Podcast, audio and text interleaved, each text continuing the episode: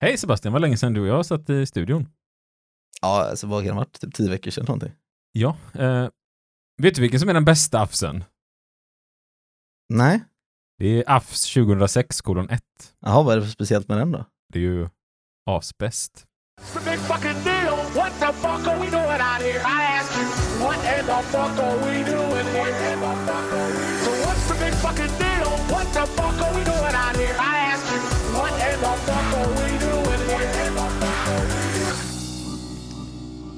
Sveriges mest lyssnade fackliga podcast är tillbaka efter semesteruppehållet. Det har ju inte de märkt. Nej, ni har inte märkt det. Nej. Det är, är det tio veckor sedan vi satt här och... Men jag har ingen aning. Det är det säkert. Ja, det är ett tag. Men det har inte ni märkt, som man brukar säga. Som Isak brukar säga förr i tiden att eh, nu ska vi göra massa saker, men ni gör helt oviktiga saker.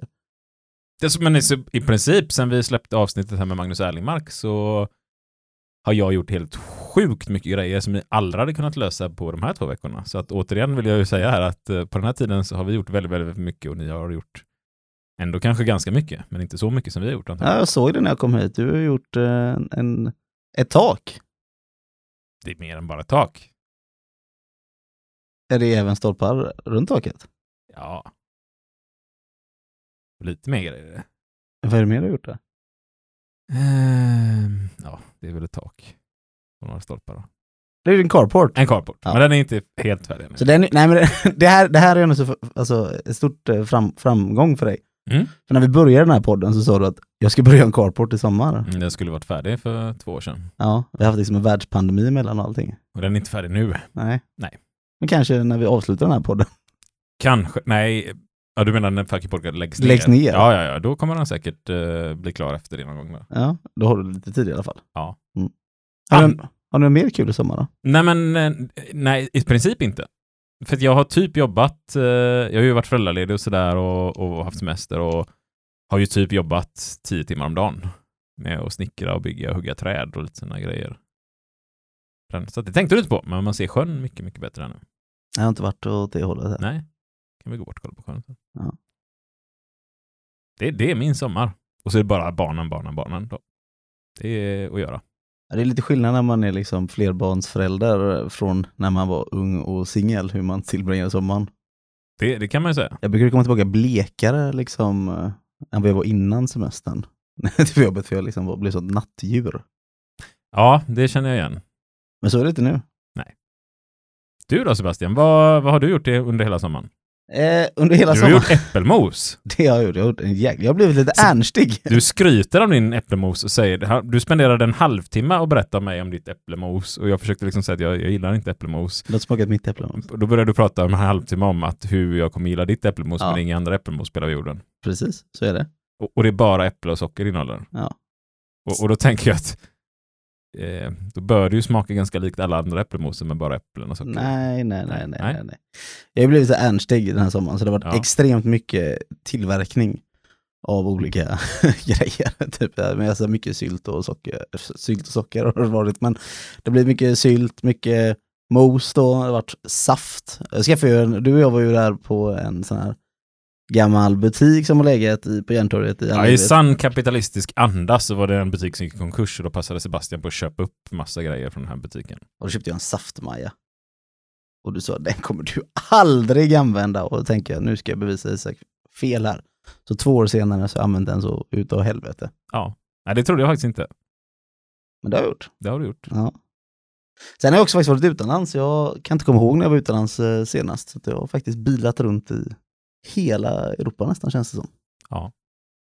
Och, så, så det var väldigt, väldigt kul. Jag var i det?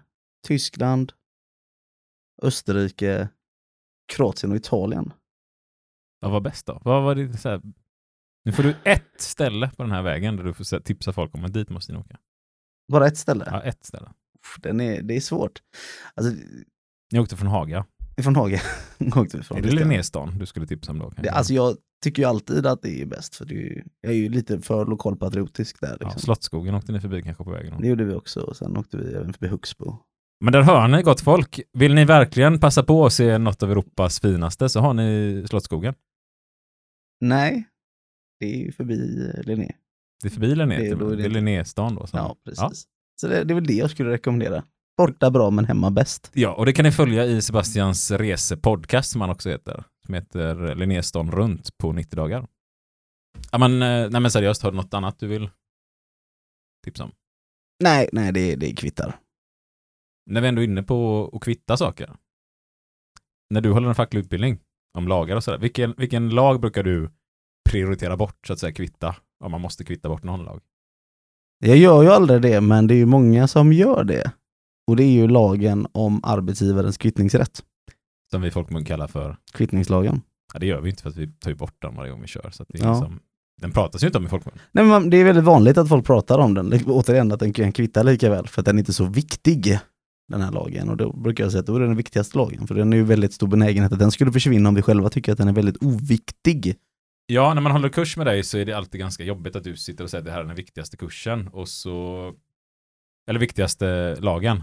Och så är det sådana jäkla förhoppningar och alla har sådana förväntningar på den här lagen när vi ska gå igenom den och så liksom, jaha, är det bara det här? Men Sebastian sa att det var den viktigaste lagen. Här nio paragraferna är de viktigaste lagarna, eller paragraferna i någon lag någonsin. Så nu, kära lyssnare, så kommer kanske Fuck You Podcast viktigaste avsnitt någonsin. Och det kommer troligtvis kanske aldrig att spela in ett mer viktigt avsnitt. Bra, jag tänker vi börjar med propositionen. Då ska vi, vi- jag kände så här att vi, vi läser i princip hela propositionen till detta. Den är inte jättelång, så varför inte? För att som vanligt, vi behöver ju känna till vad var syftet med lagen. Eh, jag sitter just nu på mitt bolag och vi diskuterar en MBL-utbildning och sådär och jag känner att hela propositionen till just MBL och varför den finns har vi lite missat i den här MBL-utbildningen som cheferna ska gå och det skulle jag vilja ha med så att det ligger på mitt bord här nu ska jag se om vi kan förhandla in den här utbildningen på företaget så att cheferna får en bild av varför har vi vår kära MBL och vad är samhällsnyttan med MBL? För det handlade ju om eh, självkänslan för hela den svenska befolkningen och att göra att vi allihopa i samhället känner oss som en enormt viktig del av vår nation och att vi allihopa får vara med och påverka, vi får alla vara med och styra. Och då kan man ju se tydliga tecken på att det motverkar segregation, det får ihop människor, det gör att människor kämpar, man går till sin arbetsplats, man brinner för att förbättra saker. Och knäcker man den lilla, lilla, lilla grejen att låta folk vara med och samarbeta så märker man hur mycket bättre det går både i företag och i samhället i, i allmänhet. Och så här efter valet kan vi väl säga att eh, jag tror MBL är den viktigaste politiska frågan. Att dra igång med MBL ute på arbetsplatserna igen. Då tror jag vi kommer se eh, ett helt annat valresultat. Och en helt annan en helt annan segregation, ja, kanske ingen segregation. Kanske också större tilltro på att det går att förändra saker. I propositionen läggs fram förslag till lag om arbetsgivarens kvittningsrätt. Förslaget reglerar arbetsgivarens rätt att kvitta fordran hos arbetstagaren genom avdrag på dennes lön. Med lön jämställs pension som tillkommer förutvarande arbetstagare. I motsats till vad som nu gäller innebär lagförslaget att kvittning mot lön i princip får ske bara med arbetstagarens medgivande. Vissa undantag från denna huvudprincip föreslås emellertid. Arbetsgivaren ska sålunda alltid få kvitta med klar och förfallen motfordran som har uppkommit i samband med anställningen och antingen grundas på avtal enligt vilket fordring får kvittas mot lönen eller avser ersättning för skada som arbetstagaren vållat uppsåtligen i tjänsten. Vidare ska rätt till kvittning i andra fall kunna medge arbetsgivaren genom kollektivavtal som på arbetstagarsidan har slutits eller godkänts av huvudorganisation. Arbetstagaren ska dock i dessa undantagsfall alltid ha rätt till så kallat beneficium. Kvittning får sålunda bara ske mot en del av lönen som uppenbart överstiger vad som åtgärd för arbetstagarens och hans familjs försörjning samt till fullgörande av underhållsskyldighet som i övrigt åvilar honom. Innan kvittning får ske ska arbetsgivaren från utmätningsman inhämta besked om beneficiets storlek. Arbetsgivare som kvittar i strid mot lagen blir i princip skadeståndsskyldig. Tvist om arbetsgivarens kvittningsrätt ska prövas av Arbetsdomstolen om tjänsteavtalet regleras av kollektivavtal och i annat fall av allmän domstol. Den förslagna nya lagstiftningen, som avses träda i kraft den 1 juli 1970, föranleder en förändring i sjömanslagen. Ja, men där har vi propositionen, eh, inte i sin helhet, men eh, sen kommer ju själva lagen egentligen med i propositionen. Lagförslaget ligger med. Och det är ingen idé att vi går igenom den, för att vissa saker har förändrats under året. Så att nu kan vi väl spola fram då till eh, den kvittningslag som gäller vid dagens datum 2022 0916. Paragraf 1.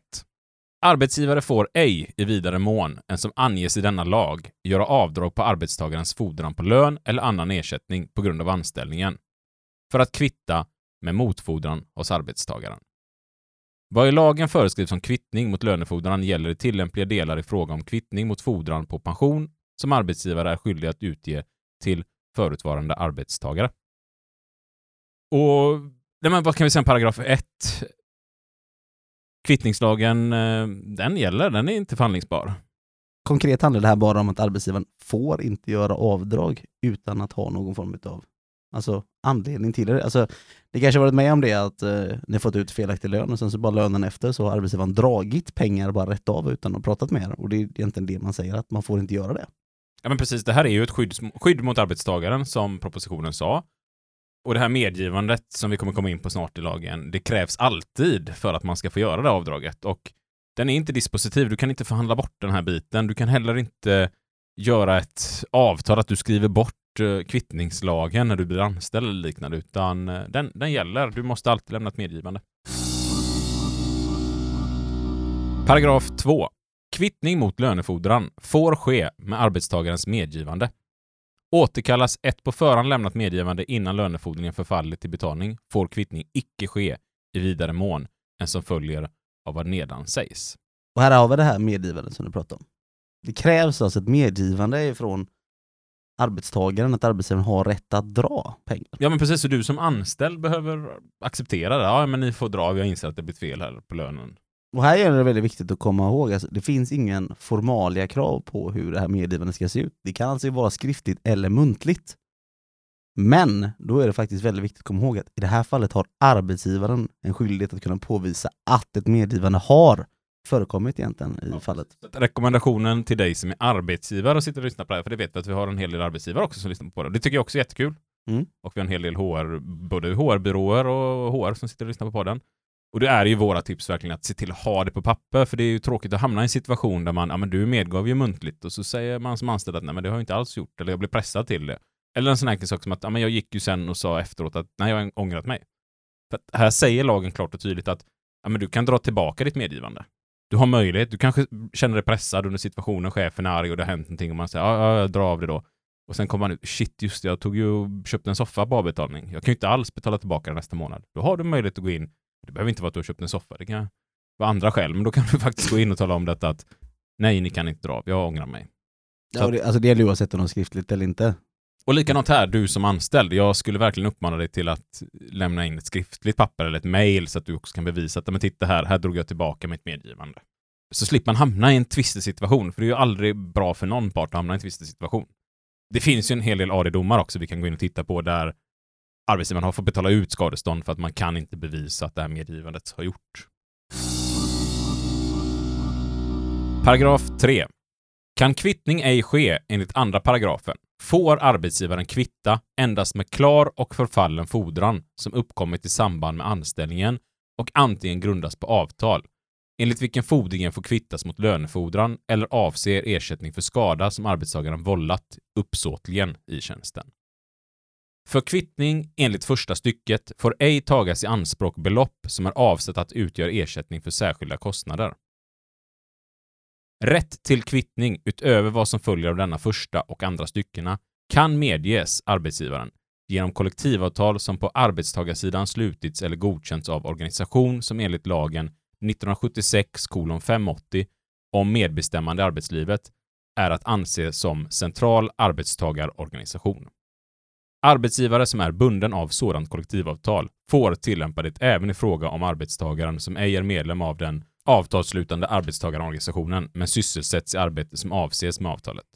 Detta gäller dock ej arbetstagare som omfattas av annat tillämpning kollektivavtal.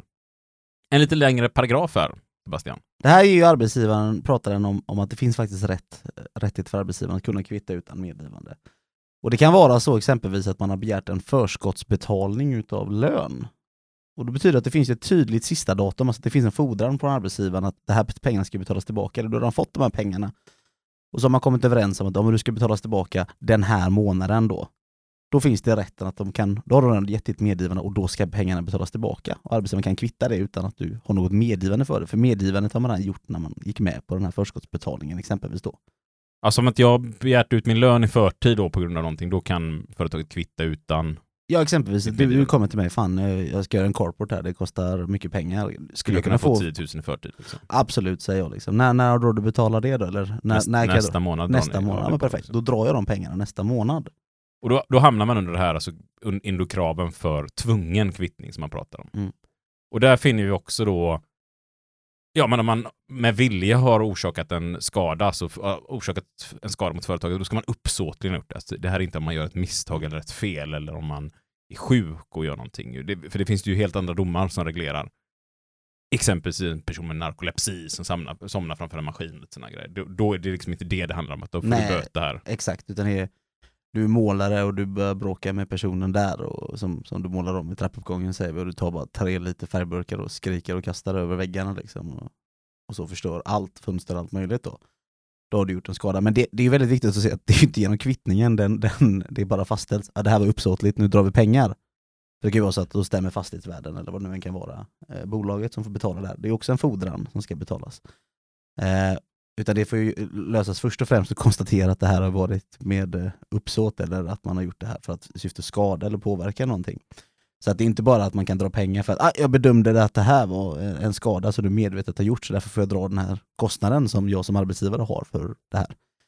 Eller att eh, om du jobbar med tillverkning av något slag och du, du producerar felaktiga delar och det blir ju också en skada i sin tur då, mot arbetsgivaren som får kanske köpa nytt material och sånt men det kanske kan vara att maskinerna var trasiga eller allt möjligt som kan ske. Så det, det, det ska ju inte avgöras bara att de har rätt att kvitta för att det är skada. Nej, och ibland kan man finna extra skydd till de anställda i kollektivavtal på det här. Jag har bland annat i mitt kollektivavtal så står det klart och tydligt vad man inte är skadeståndsskyldig för. Alltså fel, man råkar, som i vårt fall en bilmekaniker, glömmer på att fylla olja i en bil så motorn rasar. Det har ju hänt. Mm. Det kan vi fråga Jim om han har råkat ut för något sånt någon gång. Vad tror du? Den jäveln kan man inte lita på vid service. Eh, jag tror inte han har gjort det, men det, det händer titt som tätt i vår verkstad faktiskt. Och allt från rutinerade till inte. Och där står det klart och tydligt att ja, men det är ingenting man ska stå för som anställd, utan det är, företaget är skyldigt att ha en försäkring för det. Sen har vi också då att om det finns en klar och förfallen motfordran, ja, men då kan det bli krav för en tvungen kvittning. Men då ska alltså företaget ha ansökt hos Kronofogden för att se Eh, hur stor fordran är, vem är det och vad man har för lön och semesterersättning. Och då är det Kronofogden som lite kan säkerställa vad det är för belopp man ska betala tillbaka på vilken tid. Och då är det också väldigt viktigt nu att vi läser paragraf 4 som är en fortsättning på det här. Paragraf 4. Kvittning enligt tredje paragrafens första stycke eller med stöd av kollektivavtal får endast ske mot den del av lönefordringen som uppenbart överstiger vad som åtgärd för arbetstagaren och hans familjs försörjning samt till fullgörande av underhållningsskyddet som i övrigt åvilar honom. Regeringen eller den myndighet regeringen bestämmer meddelar närmare föreskrifterna om beräkning av hur stor del av lönefordringen som ska vara skyddad mot kvittning. Så att det går inte, det går inte att säga eh, hur mycket får man dra av och hur mycket får man inte göra när det kommer så här, utan man måste titta på familjens livssituation och utgifter och det är Kronofogden som gör de här beräkningarna och normalt går det ju till som så att man tittar vad personen hyra, eh, vad har personen för utgifter i övrigt som man är tvungen, det kan vara underhåll man betalar. Man tittar inte på eh, om du betalar 27 000 kronor i månaden för att du har 48 olika tv-abonnemang och Netflix och vad det nu kan vara liksom, utan utan vi pratar liksom livsmedel, mat, resor till och från jobbet, underhåll av barn, familj. Man räknar också att har man barn så behövs det en viss eh, summa pengar för att kunna försörja sina barn och sådär. Så det är det man tittar på. Men det är som sagt att man får inhämta det här beslutet ifrån Kronofogden, vad de bedömer vara lämpligt för individen. Paragraf 5. Skatteavdrag har företräde framför kvittning enligt denna lag. Detsamma gäller utmätning av lön för sådan fordran som har företrädesrätt enligt 7 kapitlet 14 paragrafen utsökningsbalken. Om utmätning har beslutats innan lönefordringen förfallits till betalning. Är arbetsgivarens fordran sådan att rätt till kvittning föreligger enligt tredje paragrafen och vill arbetsgivaren kvitta mot belopp som har ålagts att innehålla genom beslut om utmätning av lön en fordran som inte har företrädesrätt enligt 7 kapitlet 14 paragrafen utsökningsbalken, beslutar Kronofogdemyndigheten om beloppets fördelning mellan arbetsgivaren och utmätningssökanden efter fordringens storlek. I övrigt får kvittning inte åberopas mot beslut om utmätning av lön. Kronofogdemyndighetens beslut enligt andra stycket får överklagas hos tingsrätten utan inskränkning till viss tid. Vid överklagandet och vid handläggningen i domstol tillämpas 18 kapitlet utsökningsbalken, lag 1995 301. Här kan vi börja med att förklara, alltså det här är ju det här när man läser lagar ibland så hänvisar de till andra lagar och kanske inte de lagarna man får när man går en kurs hos LO, då får man oftast den här lag, vad är den heter, eller arbetsrätt 20, ja så fyller i året. Ja, precis. liksom. Lars Mm. Ånebergs Ja, bok. traditionella lagbok. Precis, och, och, och det här man hänvisar till 14 eh, paragrafen i, ut, eh, i sjunde kapitlet då, i utsökningsbalken är att det finns tre stycken andra fordringar där och det pratar om om man har underhållsskyldighet för sina barn så går de före. Men även statlig utmätning då, att det också har ett företräde i det här fallet eh, och, och även konkursbo då. Och här finns det ju en hierarki som jag tänker att vi ska inte lägga massa tid på i det här poddavsnittet. Däremot så tänker jag mig att jag tycker definitivt att vi ska göra ett eh, avsnitt med Kronofogden lite längre fram för att jag har suttit med i en hel del ärenden hos Kronofogden med medlemmar som har hamnat, eh, alltså spelmissbruk, det kan vara efter ett alkoholmissbruk, drogmissbruk, man har hamnat i stora skulder och det är någonting väldigt nyttigt för den som är förtroendevald att förstå hur det här fungerar så att man i ett tidigt skede kan vara med och hjälpa till. Men det, det är återigen, man, man delar upp skulder och tittar på dem och vilken har första prio på att återbetalas. Och här är det som så att arbetsgivaren trumfar inte staten, utan statskassan kommer före. Staten ska ha sitt. Staten ska ha sitt. Sen hittar vi arbetsgivaren lite längre ner ihop med andra fordringar helt enkelt. Och då är det som så att de betalas ju ofta procentuellt av, så att en skuld på 600 kronor och en skuld på en miljon betalas av på samma tid egentligen och du betalar procentuellt av de här skulderna under tid, vilket betyder att en liten skuld på 100 kronor kan ta lika lång tid att betala av som skulden på en miljon, vilket också leder till höga räntekostnader och varje år så tillkommer då hanterings och administrationskostnader på de här skulderna. Så den här lilla skulden på 100 kronor kan i slutändan bli enormt stor. Så att ett tips för dig som förtroendevald det är att faktiskt bli duktig på de här bitarna så att man kan i ett tidigt skede stötta de som hamnar i en ekonomisk svår situation att lösa sina småskulder i första hand. För det är det första man gör i de situationerna är ofta att lösa de stora skulderna. Eh, men det är ofta de små skulderna som kan stöka till det riktigt ordentligt. Nej men som sagt, så det finns då en hierarki som Isak säger här i vilka som har företräde till att dras på lönen. Så ligger man redan på existensminimum så finns det inga andra pengar för arbetsgivaren att hämta. För du som har eh, existensminimum kan ju självklart göra hur mycket skador du vill och stjäla på jobbet och sånt, för det finns ingenting arbetsgivaren kan göra emot. Ansvarig utgivare för den här podden är Sebastian Forsén. Jag skojar bara. Du är tydlig här med att det var på skämt. Det var på skämt. Det var på skämt. Du kan inte göra vad du vill. Du kan fortfarande bli av med jobbet och bli uppsagd. Ja. Här vill jag också skicka med, eftersom vi inte har fått in tillräckligt med Swish-pengar för STIM, så får ni själva gå in på er musikstreamingtjänst så sätter ni på Anna-Lena Lövgrens Det finns ingenting att hämta. Så kan ni pausa podden så länge så hörs vi om tre minuter ungefär. Paragraf 6. Innan kvittning får ske enligt tredje paragrafen, första stycket, eller med stöd av kollektivavtal skall arbetsgivaren från Kronofogdemyndigheten inhämta besked om hur stor del av lönefordringen som enligt fjärde paragrafen ska vara skyddad mot kvittning. Upphör arbetstagarens anställning utan föregående uppsägningstid får arbetsgivaren hålla inne lönebelopp tills dess Kronofogdemyndighetens besked föreligger. Det åligger i sådant fall arbetsgivaren att ofördröjligen begära sådant besked. Lag 1981 833. Och här är vi inne på detta att har du blivit avskedad, alltså du har grovt åsidosatt dina åligganden mot arbetsgivaren, ja men då kan, tills de har redit ut den här situationen, arbetsgivaren hålla inne med lönen. Men de ska också så snabbt de bara kan kontakta Kronofogdemyndigheten om ett sådant besked.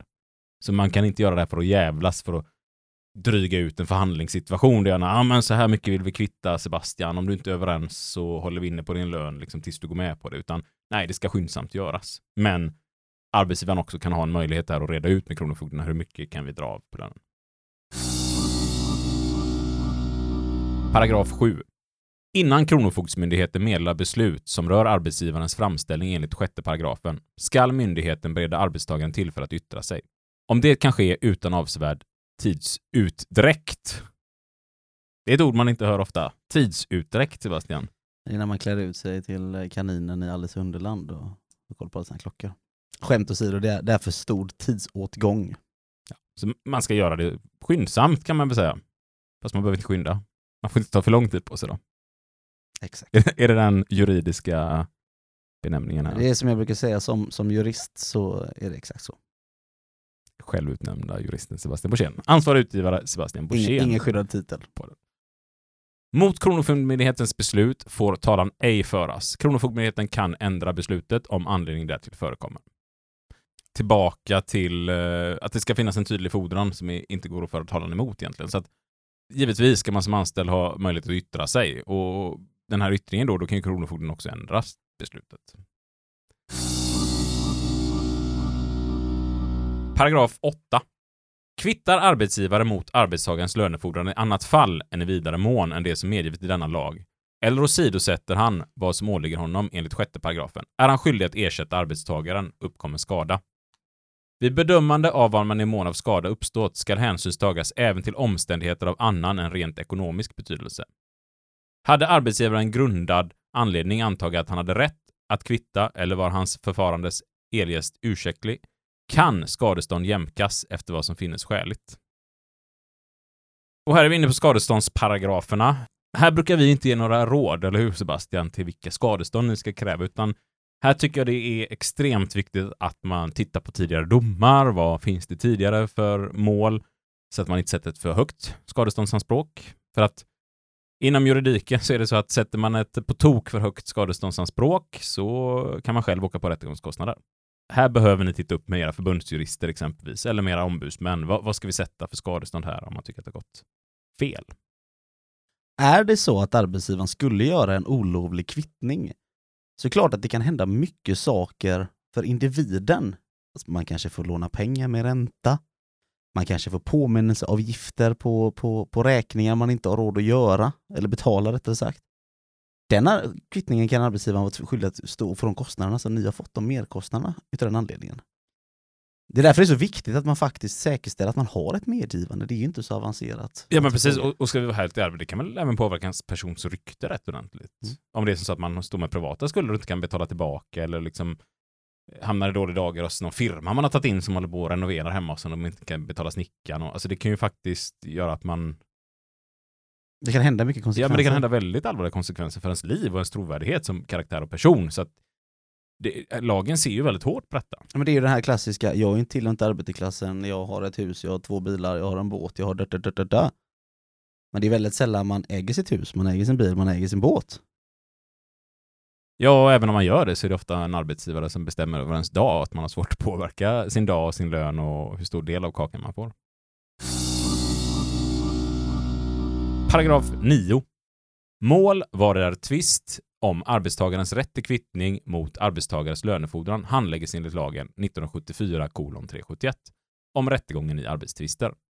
Gör arbetsgivare i mål om lönefordran invändning om kvittning eller väcker han genkära mål om motfordran får målet om lönefordran avgöras utan prövning av invändningen eller genomkärmålet om sådan prövning skulle oskäligt uppehålla prövningen om lönefordran.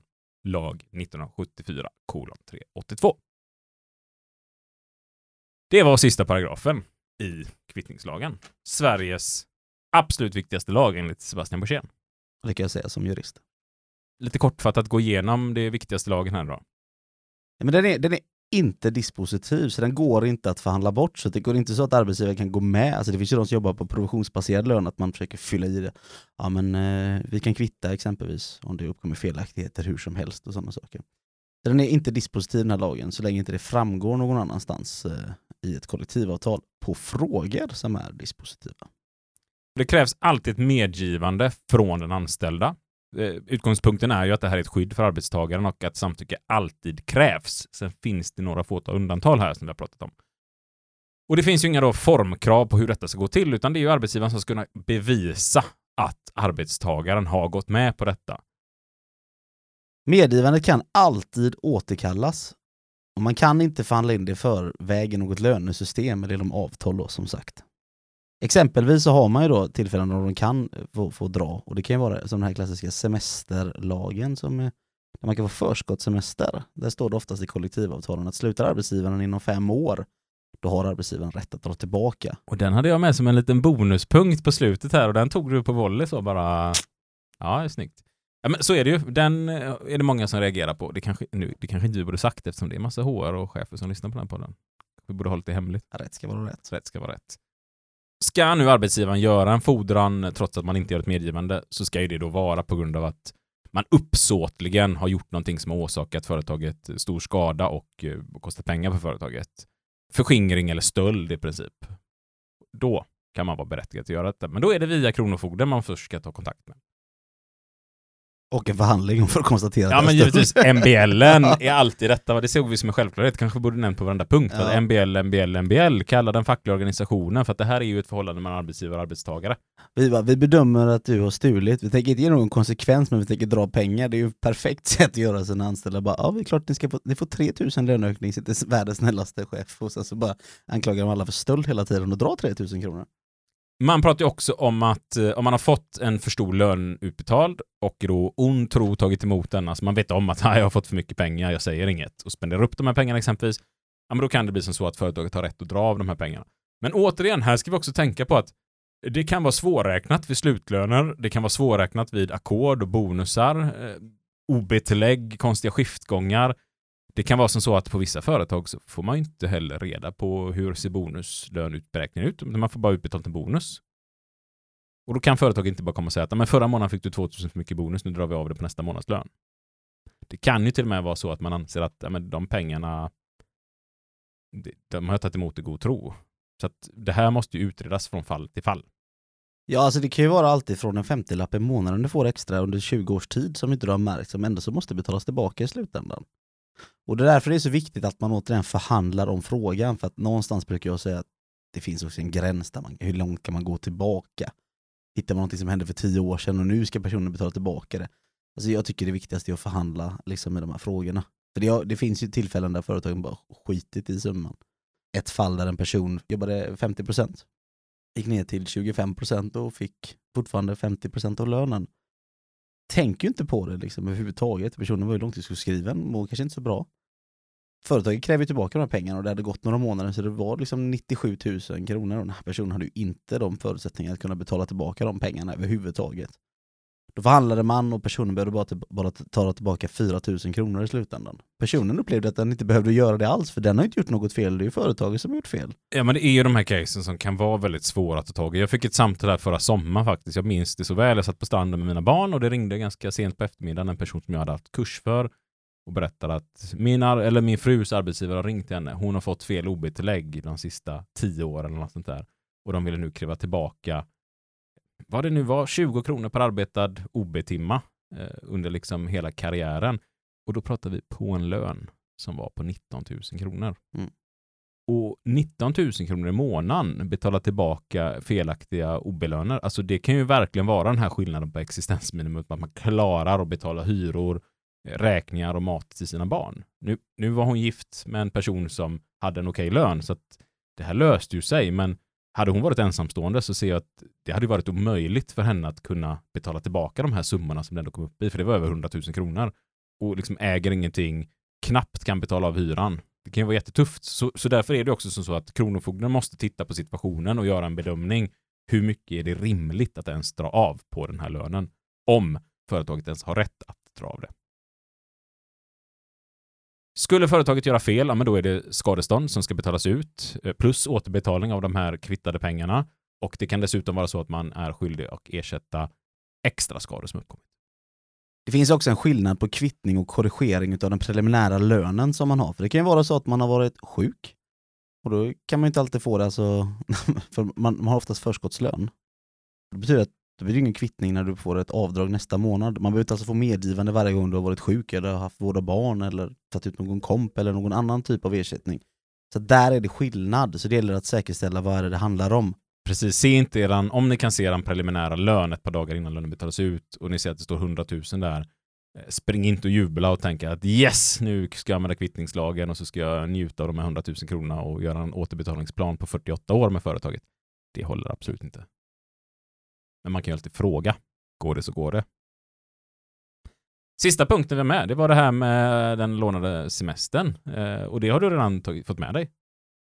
säkert någon av er lyssnare som har klurat på det under avsnittet också. Men det där med lånad semester, det står ju faktiskt i semesterlagen att det kan man bara dra in. Det kan man kvitta. Och det är semesterlagen som reagerar. Mm. Reglerar det.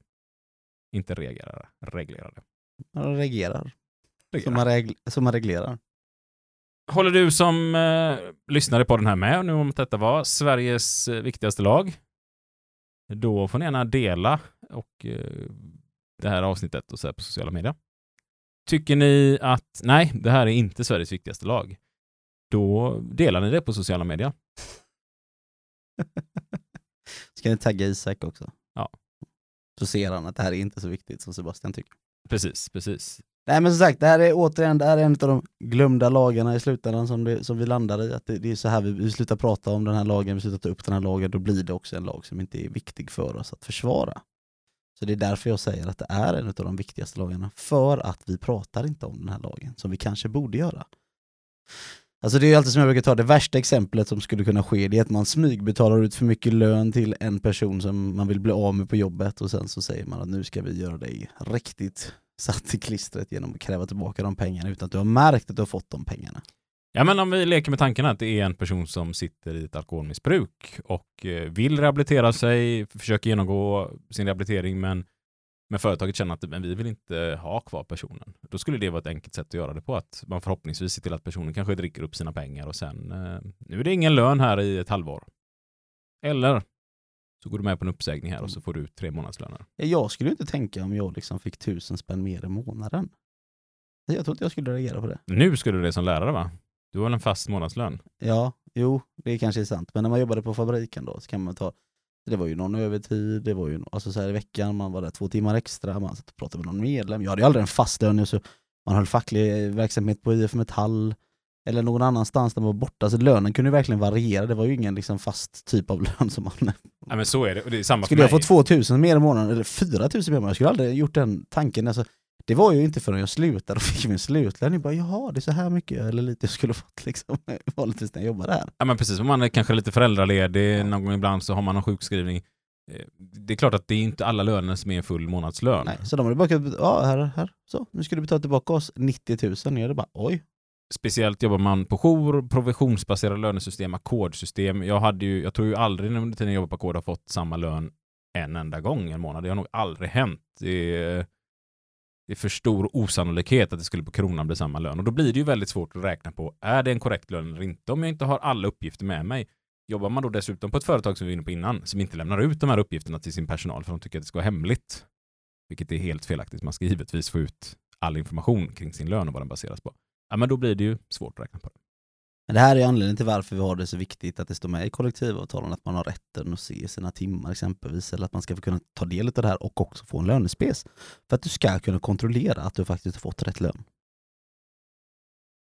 Med de orden så tycker jag att vi avslutar dagens avsnitt, men vi ska givetvis ta upp det att ni får jättegärna som vanligt hjälpa oss att sprida podden eftersom den är, eh, vad säger vi, Eh, ideell helt enkelt.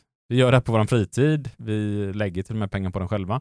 Så att vi är jättetacksamma om ni är med och hjälper till att sprida podden, få ut den eh, i fackliga verksamheter och till kollegor, anställda, Kanske vänner. klubben eh, känner att fan nu, nu vill vi, eh, vi vill bli medlemmar i podden. Så tycker Men då jag kan man bli föreningsmedlem Ja. idag. Och vi har Kanske avdelningen eller sektionen eller Jag vad har det- fortfarande inte skickat ut de dokumenten, men man kan mejla Jim Tellefsdal och hans mejladress hittar man på fuckyoupodcast.podbean.com om föreningsmedlemskap. För övrigt, vill du bara själv bli stödmedlem så kan man swisha in. Vi förbereder aldrig det här numret. Kan du numret i huvudet Sebastian? Eh, ja. Det kan jag. Och så sitter du och väntar på att jag ska ta fram det här nu. eller? Det numret Isak som du vill få utav mig är 123 09 084 26.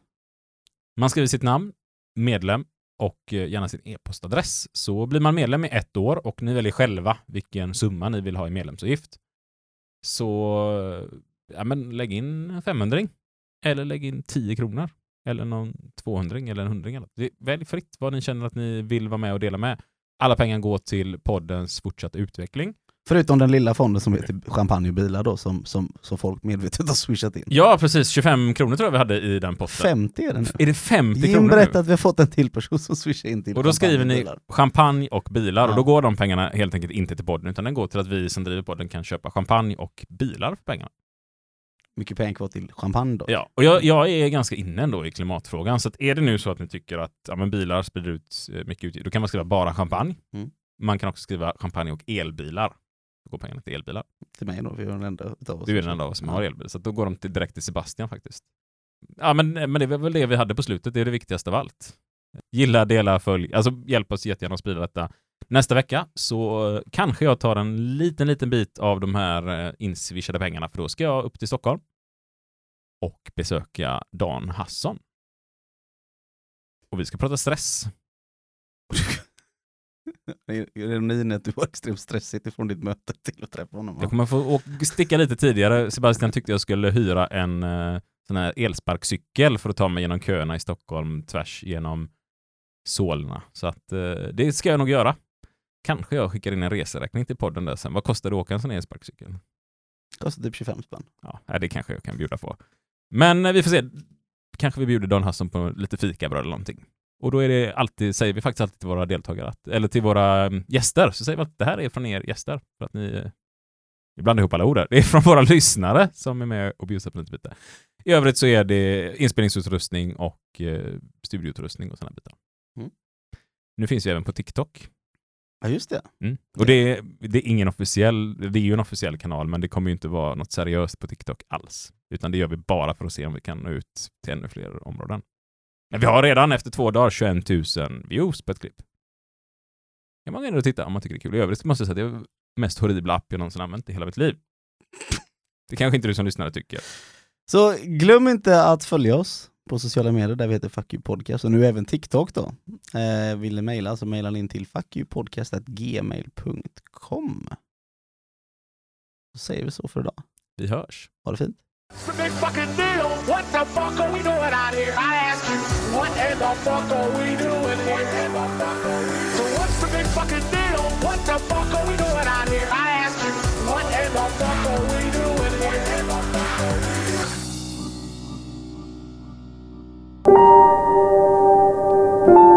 Visste du att en av tre män utgör en tredjedel av alla män? Det tycker vi är en man för mycket. Bli månadsgivare nu. Lämna ditt bidrag på swishnummer 123 09 084 26. Gör du det nu så får du en toaster på köpet.